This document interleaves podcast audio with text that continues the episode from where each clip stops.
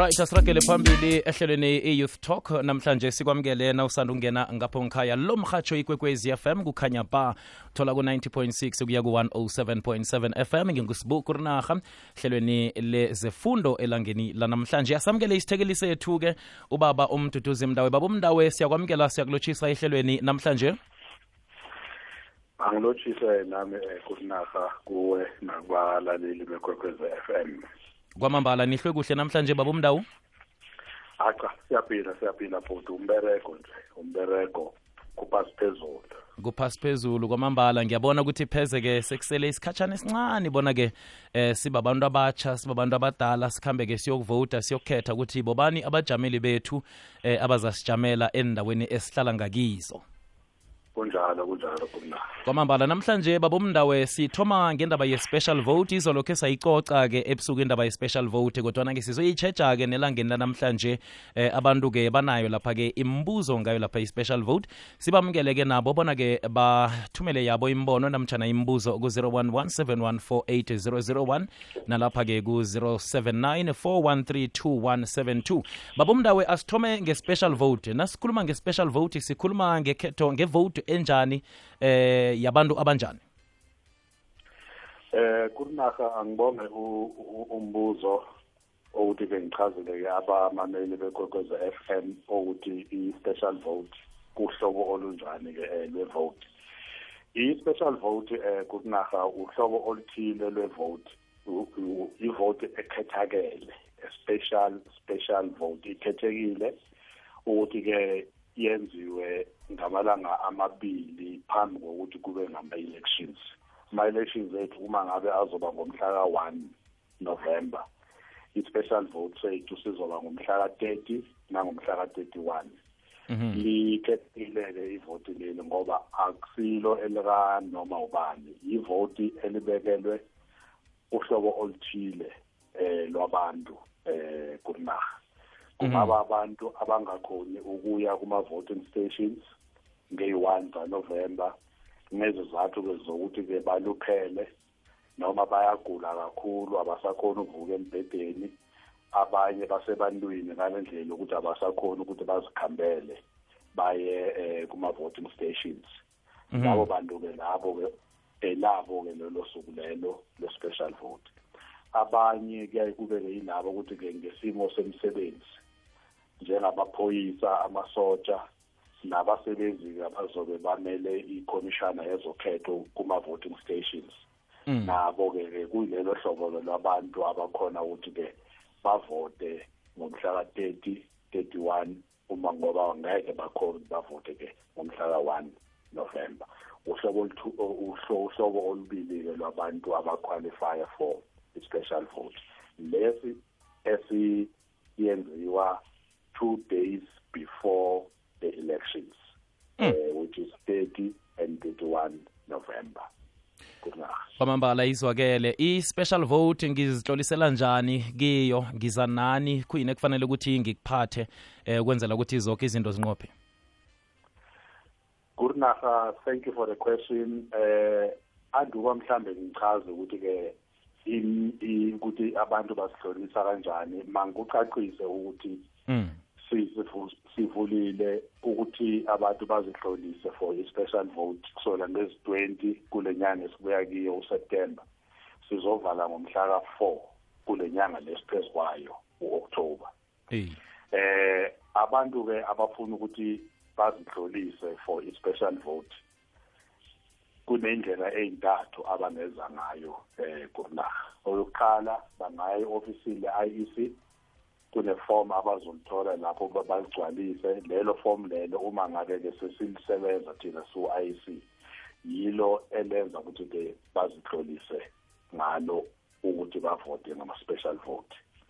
Eh indlela yesibili kungaba ukuthi ke bangene online ku website ye IEC www.elections.org.za bazihlolise ke lapho ke online eh ukuthi bavote ngomhla ka30 noma ngomhla ka31 eh November kuma special vote.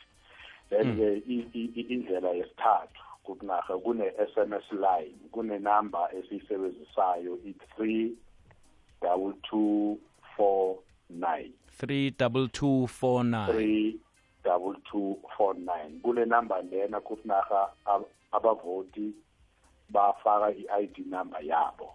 Mm. Abafaki lutho lunye ID number nje kuphela kule number i-three double two four nine. Iyona ndlela-ke yesithathu abazozihlolisa ngayo ukuthi-ke bavote um ne-special vote.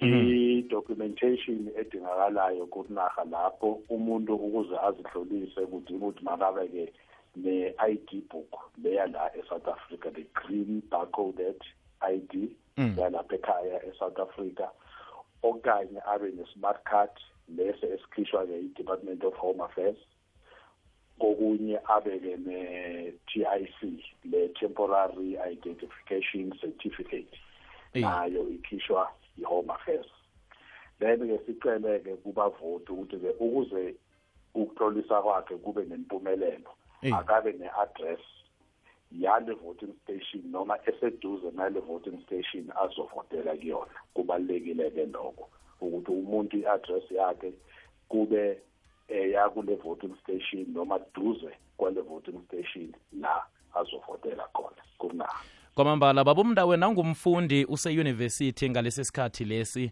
eh mhlambe uhlala kude eh ne- nendawo yangikhabo eh muntu omutsha eh limhluli limdlulile mhlambe simdlulile isikhathi sokuzihlolisela ukuvota. Wamukelekile ukuthi angazihlolisela i-special vote? Eh kunaha u- umbuzo obaluleke kakhulu ke lo ngoba abantu banokudideka okuthile. Eh kunaha akudingi ukuthi umuntu abeloku azihlolisa njalo uma ngabe kuza amakhetho. Eh uma umuntu ehlolise ngizobekisa njengami ngahlolisa ngo-1996 eh eh i-address yami sengashintshi ukuthi naka ngisahlala la ngangidlulise khona ngendlela yakhona ngo-1996 akudingi-ke ukuthi-ke ngilokhu ngizihlolisa uma ngabe sekuzwa amakhetho.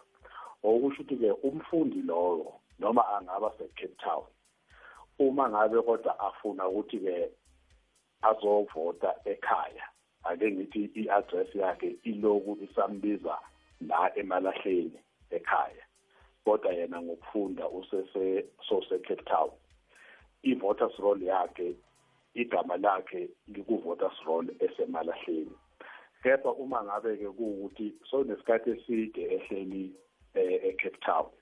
Angayishintsha i-address abhalise-ke i-address yala ahlala khona kulesikhathi lesi azobe angaso e-Cape Town ngokufunda ukuze akwazi ukuthi avote e-Cape Town. Kepha-ke uma ngabe engakwezanga lokho angeke akhone ukuthi athlolisele i-special vote e-Cape Town. Uma ngabe i-address yakhe isambiza la.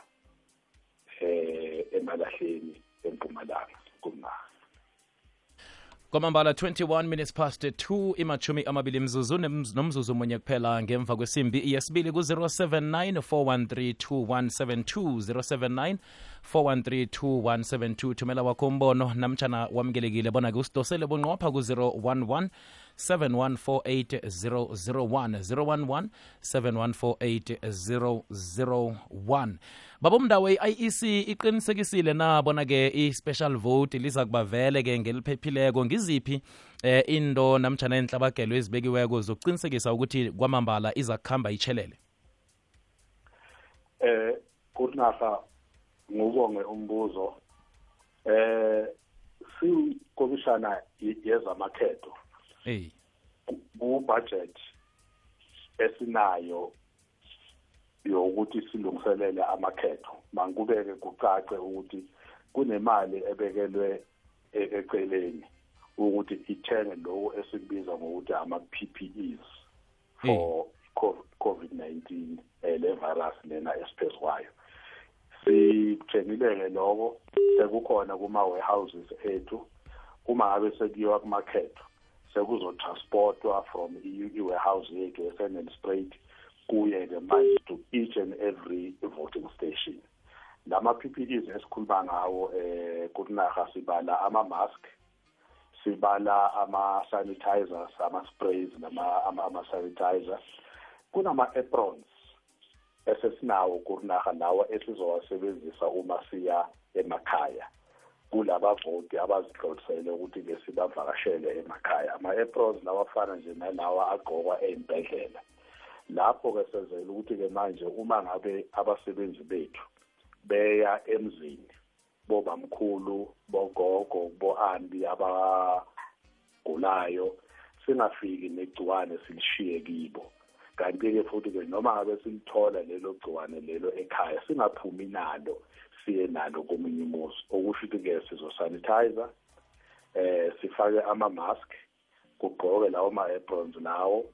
Uma sifika ekhaya kurinaha sizomcela esize kuyena ukuthi-ke uma simthola engayigqokanga imask simcele ukuthi-ke ngoba sizomhelebha akayigqoke imask simsanitize i-ball pen esoyiberegisa siyayisanitizer ukuze-ke igciwane lingabese-ke lisala ekhaya uma ngabe sesikhambile.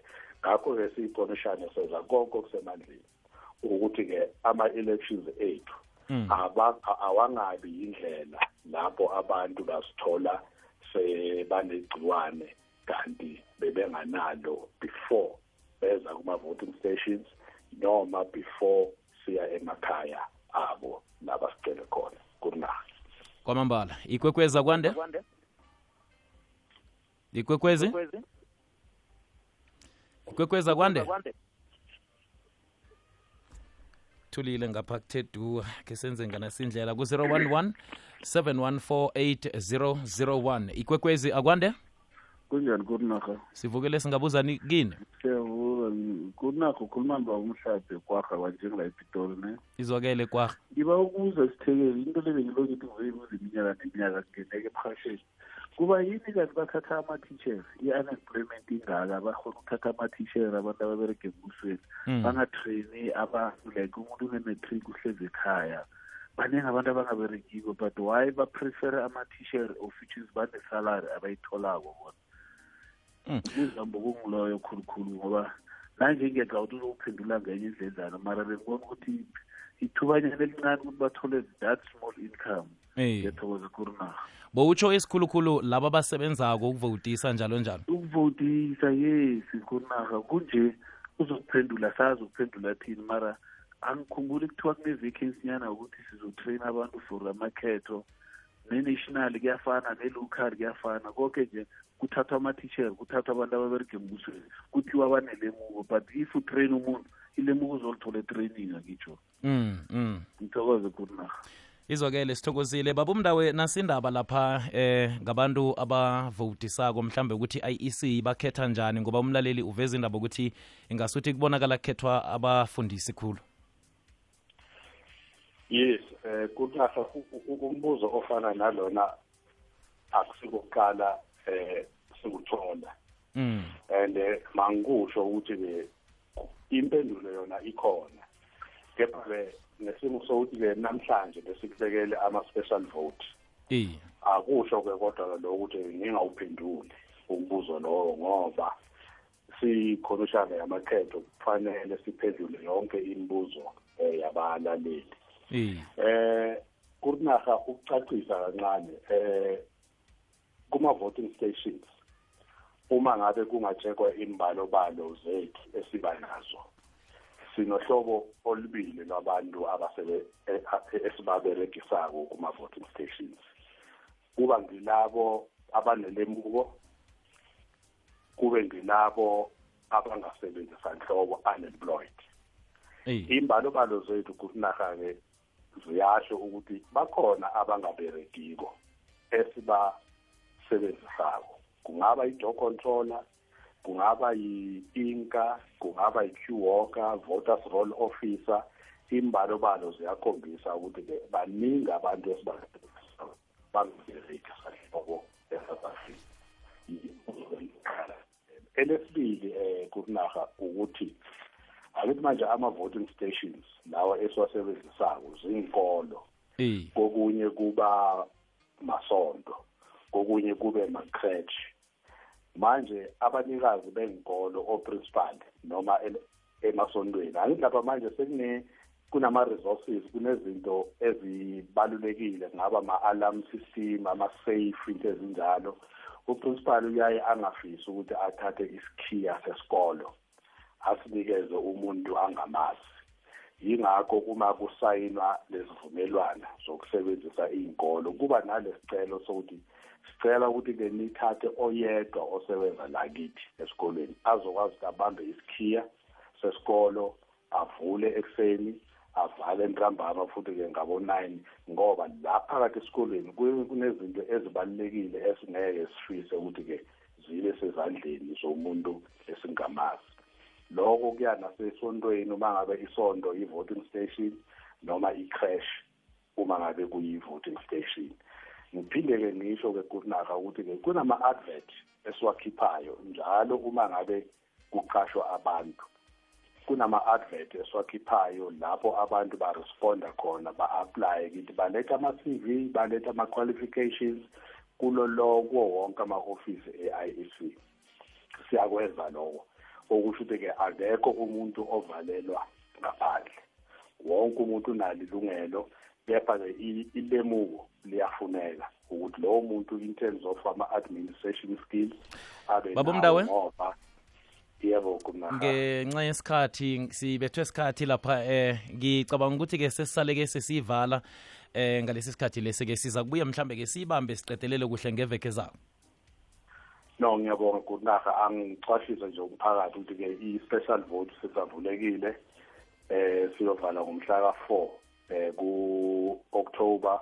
Wonke umuntu ongakadlulisi akazidlulise online noma ezo-ofisini le-ic noma kule two four nine asidlulise lapho singakavali isikhathi ngomhla ka-four eh october. Kunaha babomdawo sithokozile isikhathi sakho nokukhanyisela umlaleli wanakho umhatsho ikwekwezi fm kwamambala sithokoza indle bakho umlaleli wekwekwezi fm ehlelweni i-youth talk. Njenganje sitshinga iwomen lendaba half past 2 ngale kwalokho uragela phambili uboboda beat kilo mhatsho ikwekwezi fm ngingusibuku rinarha lihlelo lethelwa i-sabc radio education iec nalo mhatsho ikwekwezi fm ube nepelaveke ehle mlaleli. Ngithemba ukuthi yoke into-ke iza kunqopha. Sale bukwala